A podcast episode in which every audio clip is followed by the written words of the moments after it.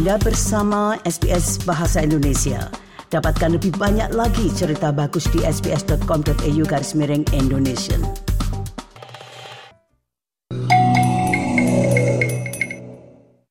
SBS SBS SBS SBS SBS Radio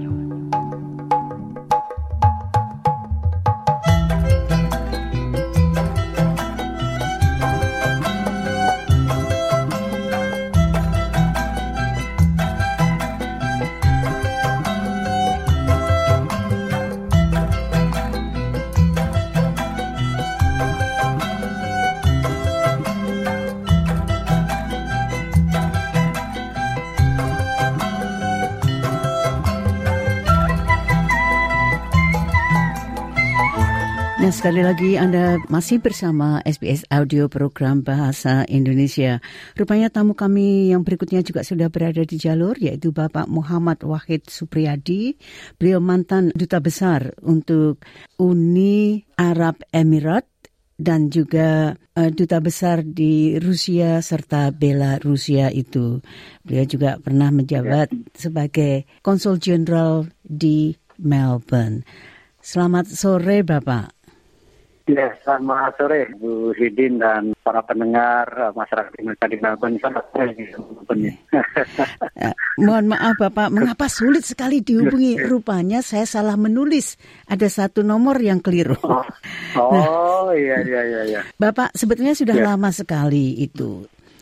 Dan saya mempunyai buku yang Bapak tulis yang berjudul Diplomasi Ringan dan Lucu Kisah Oh. Nyata ini. Ah, iya, iya. Sebetulnya juga sudah Iya, lama, tetapi baru saja itu kembali saya temukan. Saya berpikir saya pernah Ah, membeli buku itu. Tapi ke mana? Mhm. Jadi Bapak saya tahu dalam buku ini memang ada tiga penugasan yang Bapak ceritakan ibaratnya Hmm. yaitu penugasan di Australia, penugasan di Uni Arab Emirat Emirat dan Arab. juga di Rusia serta Belarus itu. Nah, Bapak sekarang Ya. saya ingin satu persatu karena dibahas satu apa satu jam pun buku ini tidak akan selesai. Jadi saya akan mohon pengalaman Bapak sewaktu menjabat sebagai duta besar di Uni Arab Emirat itu. Iya, apa sih Bapak yang paling mengesankan pada waktu itu? Jadi pertama ini saya apa, menempati pos yang dari segi budaya sangat budaya antara Australia dan uh, Emirat Arab. Jadi sementara referensi saya 11 tahun itu tinggal di Australia. Orang Australia itu kan sangat straightforward, orang Australia suka debat. Dan kalau kita bisa meyakinkan, mereka juga appreciate kita gitu lah. Jadi memang kelihatannya garang ya, terutama media. Tapi sebenarnya kan karena ketidaktahuan kadang-kadang uh, bukan salah mereka. Jadi kita harus menjelaskan dengan dengan bahasa mereka juga, jangan berbohong gitu ya. Jadi saya learn lot from Australia. Nah, ketika saya di Emirat Arab itu totally different. Jadi saya masih menggunakan cara-cara klasik. Jadi saya undanglah uh, seorang di Kementerian Penerangan karena ini kolega saya, perlu banyak uh, bantuan. Nah, saya undang di satu hari jam setengah satu. Nah, dalam budaya barat kan 12.15 saya datang.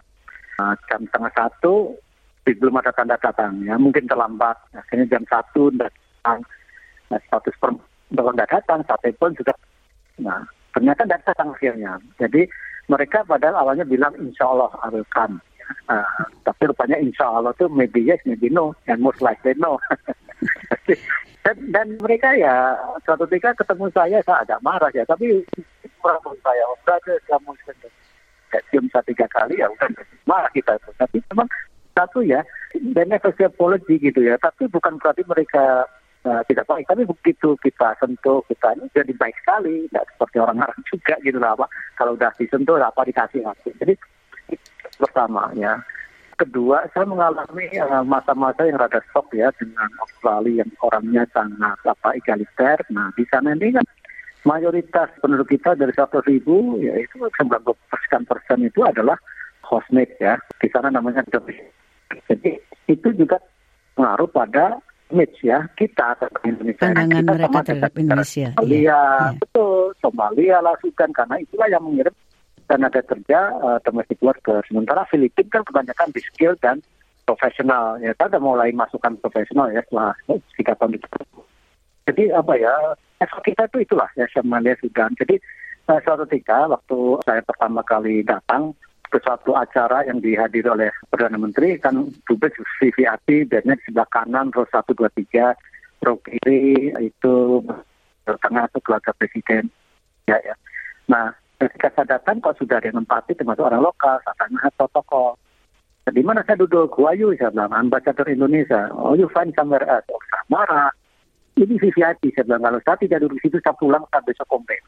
Tiba-tiba diambilnya ke kursi gitu. So, tapi berikutnya begitu lihat saya please sit there gitu. Jadi akhirnya island lot ya mulai saya belajar di sana. Jadi suatu ketika ini yang sangat mengesankan saya diundang balapan onta dan ternyata di situ satu-satunya dubes yang hadir itu saya mungkin yang lain udah jenuh gitu karena saya baru ya saya datang ini saya yang dubes yang datang lainnya itu mirip wakilnya atau junior nah saya lihat itu ada onta lari terus di belakangnya itu ada Jeep Lexus ya. Jadi saya bingung ini yang balapan onta atau Lexus gitu. nah ternyata ontanya itu pakai ini uh, Bu Sri pakai jokinya joki apa robot gitu loh karena memang dilarang karena belum ada Pakistan dilatih di gurun pasir untuk balapan onta. Nah, karena PBB melarang, jadi dikembalikan, nah dipakai dengan uh, robot. Nah, jadi yang di Lexus itu satu itu satu pakai pegang remote kan. Semakin kenceng, makin kenceng. Terpikir, wah ini kok seninya di mana? Tapi oke lah, saya mereka. Pada waktu mau menyerahkan trofi, saya dipanggil oleh Syekh Hamid ya, kalau salah. Dia itu Chairman Emirates Heritage Club. Nah di Emirat itu kalau Syah itu saya lebih dari menteri, apa? menterinya yeah. saya. Nah dia Emirates Heritage Club. Nah saya pernah melihat namanya Abu Dhabi Theater, gedung sangat mewah. Kalau ini kita bisa tampil di sini luar biasa, tapi saya punya duit gitu. Nah akhirnya begitu saya lihat Jerman dari Club, dia yang menguasai seluruh gedung-gedung di seluruh Emirat. Saya nulis surat, nah, mau menampilkan di sana, apa bisa dibantu. Langsung dia perintahkan CEO-nya, ambasador juga, untuk nelpon saya, saya datang ke kantor saya. Kenapa? Pokoknya saya sudah setuju apa yang Anda minta. Saya tanya berapa artis 24 ya oke 24 kamar cukup cukup ya dengan makan oke terus kamu punya mungkin enggak enggak wah bis semua ada center tak isinya sound system security semua ditanggung what else waktu saya udah bisa ngomong jadi saya tidak kontak uh, Kementerian Pariwisata mereka pokoknya kalau semua ditanggung mereka berangkat dan saya minta tolong tampilkan setelah artis-artis yang ya, dari Bandung bagus. gitu ya, ya, ya. tinggi nah karena when they heard about Indonesia, oh my pembantu is Indonesian gitu loh. Yeah. Nah akhirnya kan begitu tampil, wah mereka ya, wah ternyata gemerlap juga ya ini. Dan banyak orang lokal, mengundang orang lokal itu tidak mudah. Jadi teman-teman dubes ASEAN itu sampai kok bisa mengundang orang lokal, ya saya ya saya nggak ceritakan ya dulu saya, tapi ya banyak pendekatan-pendekatan, catatan gitu ya, datang mereka. Nah kemudian juga mulai saya kenalan gamelan sampai ada ada sekolah anaknya seks-seks minta workshop gamelan. Padahal itu senior-senior saya selalu bilang kalau di Timur Tengah jangan sampaikan gamelan, jangan sampaikan wayang. Loh, kenapa? Karena itu asosiasinya dengan musik. Ah enggak, kan itu the most complete traditional orchestra in the world, saya bilang. Iya. Bandingkan yeah. dengan Cina, India, eh, Korea, Cina, Jepang, kita ini 40 orang bisa main anu, orkestra. Akhirnya begitu saya tampilkan di Dubai Global Village, waktu itu Pak Jokowi tahun-tahun untuk memamerkan furniture-nya ya, mereka jadi selama ini gamelan tidak pernah keluar dari MC. Jadi itu untuk pertama kali ya Bapak ya? Itu untuk baru pertama kali. Jadi iya. akhirnya, nah akhirnya saya diundang ke mana-mana sampai akhirnya sekolah-sekolah elit itu mengundang kita ke workshop. Dan ternyata mereka nyoba gamelan, gamelan itu bisa gampang. Misalnya bisa Pak Budana waktu itu 15 menit Tapi bisa juga advance sampai belasan tahun orang belajar gamelan. Itulah hebatnya gamelan gitu. Mak dan gamelan makin pelan makin susah. Kayak tari Jawa itu kan. makin Jawa makin pelan makin susah itu. Seperti iya kan. Dan Se itu ternyata saya praktekkan di Rusia ya. Orang kan melihat Rusia oh komunis oh Soviet. Ternyata mereka nilai budayanya sangat tinggi dan mereka cepat sekali. Bahkan saya akhirnya mendirikan grup tari. Uh, saya, apa, saya rekrut seorang star yang bisa gamel, nari dan mengajar tari. Sekarang ya Bu Sri mereka diundang ke mana-mana. Itu saya berapa kali diundang di luar kota untuk bawa gamelan. Dan bahkan pernah uh, ada sekolah mode ya, sekolah fashion. Dan minta Ambassador bisa enggak? So, tapi diiringi musik gamelan. Waduh, saya bingung nih di Indonesia aja gak pernah gitu. Oh, sebetulnya Nah, sekarang sudah itu- Bapak. Sek- Iya, iya, iya, ya. iya, Tapi iya. dulu belum ada itu. Jadi Ini akhirnya eh, sekolah itu akhirnya saya tanya sama ya gurunya, oh bisa pak kita atur akhirnya bikin desain sendiri khusus untuk menampilkan fashion show. Nah ini yang pertama kali saya kira dilakukan itu. Iya, Bapak memang Jadi buku saya memang banyak sebenarnya pendekatan budaya itu dan that's Iya, our strength, iya. our culture sebenarnya juga. Ya. Ya, jadi Ya. se- saya tadi mau mengatakan memang terutama ini terutama waktu di UAE itu Bapak karena memang kita fokusnya ke UAE untuk saat ini Bapak. Jadi Ya, yang ya. ke UAE itu memang pendekatan budaya itu sangat sebetulnya eh, waktu saya membaca tulisan-tulisan Bapak ini terlihat sekali Pak itu memang sangat ditonjolkan. Nah, Bapak yang menarik ini tadi Bapak sudah menyebutkan ini bahwa Pak Jokowi ikut apa pada waktu itu masih wali kota ya Bapak ya ikut Iya, iya. pameran. Iya, tapi Bapak waktu saya membaca terus saya bilang gini, ah, wah ini Pak Wahid bohong ini, bohong ini. Iya, saya, iya. saya mengatakan begitu. tapi Iya. sebenarnya ini bukan bukan kebohongan 100%, tapi kan white lies kan begitu kan Bapak. Jadi bagaimana waktu itu Bapak apa mendobrak Pak Jokowi untuk membuat itu apa Iya. gasibu-gasibu itu dalam waktu sangat dekat itu bagaimana caranya waktu itu Bapak? Jadi, Dengan eh, white lies tadi itu kan? Kebetulan, ya. ya. Waktu itu saya bisa mendapat itu Dubai Global Village itu pameran selama tiga bulan gede banget ya berapa, berapa hektar ya saya puluhan hektar itu. Dan itu tiga bulan. Nah saya punya bisa mengamankan 140 meter persegi sudah saya isi semua dengan apa dengan produk UMKM tapi tidak ada atap-atap itu loh ya sementara embassy kan terbatas. Nah saya waktu itu berkunjung ke wali kota eh, ke Solo So- sama hampir iya. ke Pak Jokowi sama beliau eh, punya produk bagus ya andalan itu adalah kayu dan saya lihat sendiri saya ada belum dikit gitu Pak. Saya lagi dapat slot Dubai Global Village dan tema kita tuh kayu ya waktu itu saya saya terus ada saya bohong gitu. Eh, nah terus gimana Mas? Said Bapak taruh aja gazebo sama rumah kayu Pak. Nah pada itu maksud saya itu apa? Gazebo bisa untuk nutupin ini ya produk UMKM gitu di bawahnya tapi ternyata Pak Jokowi sendiri surprise. Kenapa? Dalam dua minggu semua yang ada di situ sold out sold out Mas Nah, cuman waktu itu kan mau dipindahkan, dia kan saya sarannya saya nggak bisa, ini harus selesai dulu, Pak, ke rumahmu, karena ini untuk ini. Kan mereka tahu, mereka paham. Nah, di situlah akhirnya Pak Jokowi mendirikan perusahaan di sana, dan izin cuma tiga jam. Makanya beliau itu kalau di Indonesia kan Bisa, minta maunya iya, izin iya. investasi tiga jam selesai gitu, dan tidak terjadi di kita karena di limit ya, roda dua, ada limit benar gitu. Nah, akhirnya beliau ada pesanan eh, di sebuah kota kecil dekat pantai namanya Gantut ya, itu dekat Kabupaten Dubai untuk membuat satu apa ya, cafe shop tiga tingkat semua dari kayu dan dia bawa tukang dari Solo dan itu bagus sekali. Nah Tapi- itulah mulai beliau paham Lebih- Emirat itu Iya. ya. Ya, tapi, tapi tadinya ada kebohongan kecil kan Bapak ya kan wah ini untuk Bapak Iya, saja iya. Iya. saya berterang waktu itu ya tak cari-cari, saya bilang temanya kayu nih Iya. Pak, saya juga saya lagi nyari gimana caranya nih ada. Ini beliau dapat untung juga kan, jadi kan nggak komplain ke saya. Sa- saya tertawa itu Iya, Bapak. iya. saya tertawa Iya, iya. terpingkal-pingkal itu waktu membaca Iya, itu iya. Bapak Makanya itu ada cerita lucu juga kan Jawa Tengah banyak juga. iya iya iya nah Bapak memang Serius juga ya. kelihatannya waktu penugasan Bapak di sana itu Bapak memang betul-betul sangat dihormati begitu Bapak. Sangat di apa? dikedepankan lah oleh Uni Arab Emirat itu sendiri Iya. karena seperti pada waktu di Abu Dhabi Theater itu kan setelah Indonesia mengadakan Filipina minta pun itu kan eh, tidak semuanya diberikan Iya. kan? Bukan seperti oh what do Iya. you want ambassador? Betul. kan bukan begitu Iya, Bapak. jadi waktu itu kan waktu itu kan Dubes Filipina nanya saya namanya ada salah itu eh, ibu-ibu ya. Dia bilang Wahid how much you spend for nothing dia bilang kokong dia bilang dia bilang "Deh, kasih Hamdan gitu kan. Dan nulis akhirnya hanya dikasih Abu Dhabi Theater tapi jalannya listrik semakin rumah ya.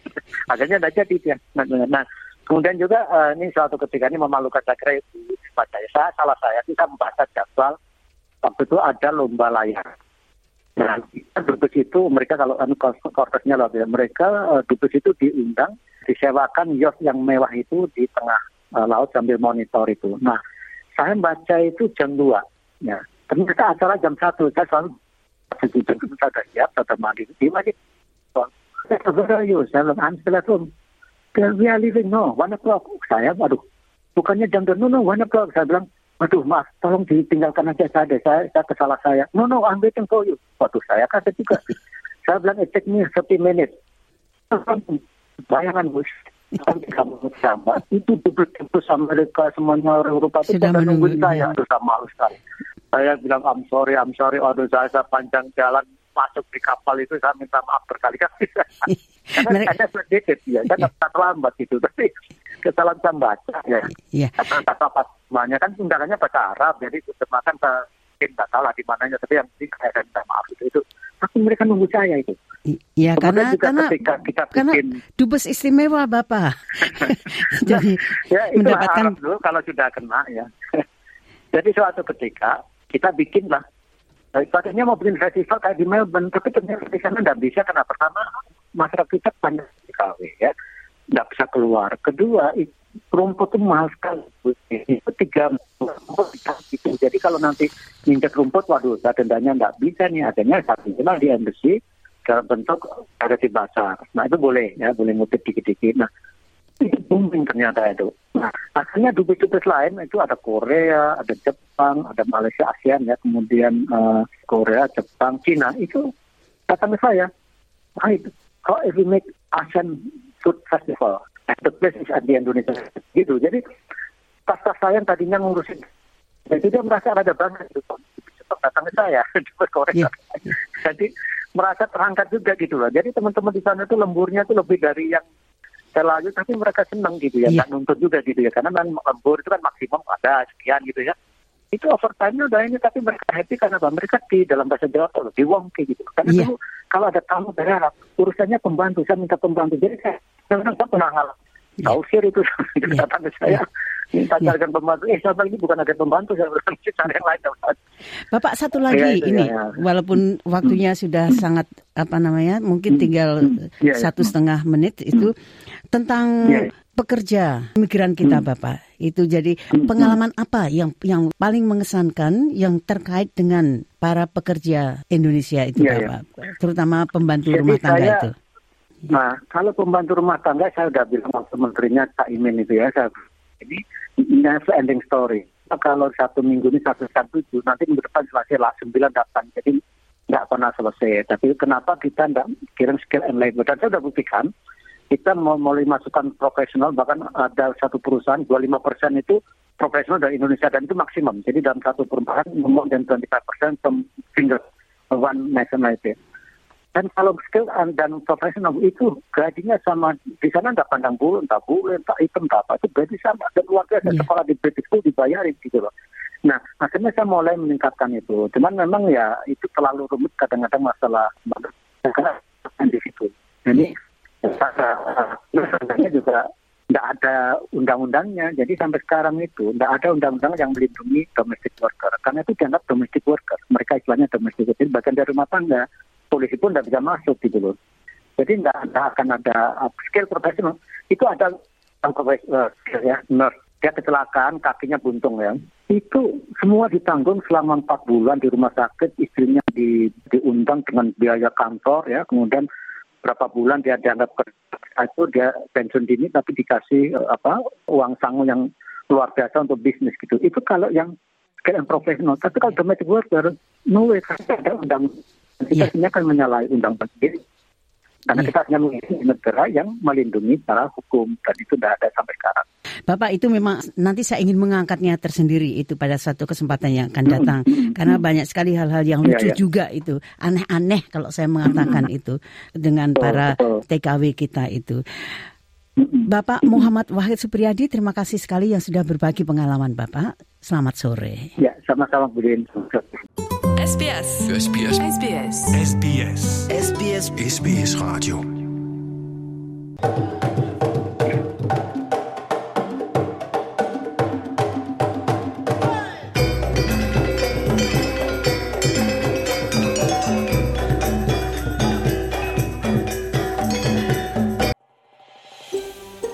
Anda ingin mendengar cerita-cerita seperti ini? Dengarkan di Apple Podcast, Google Podcast, Spotify atau di mana pun Anda mendapatkan podcast Anda.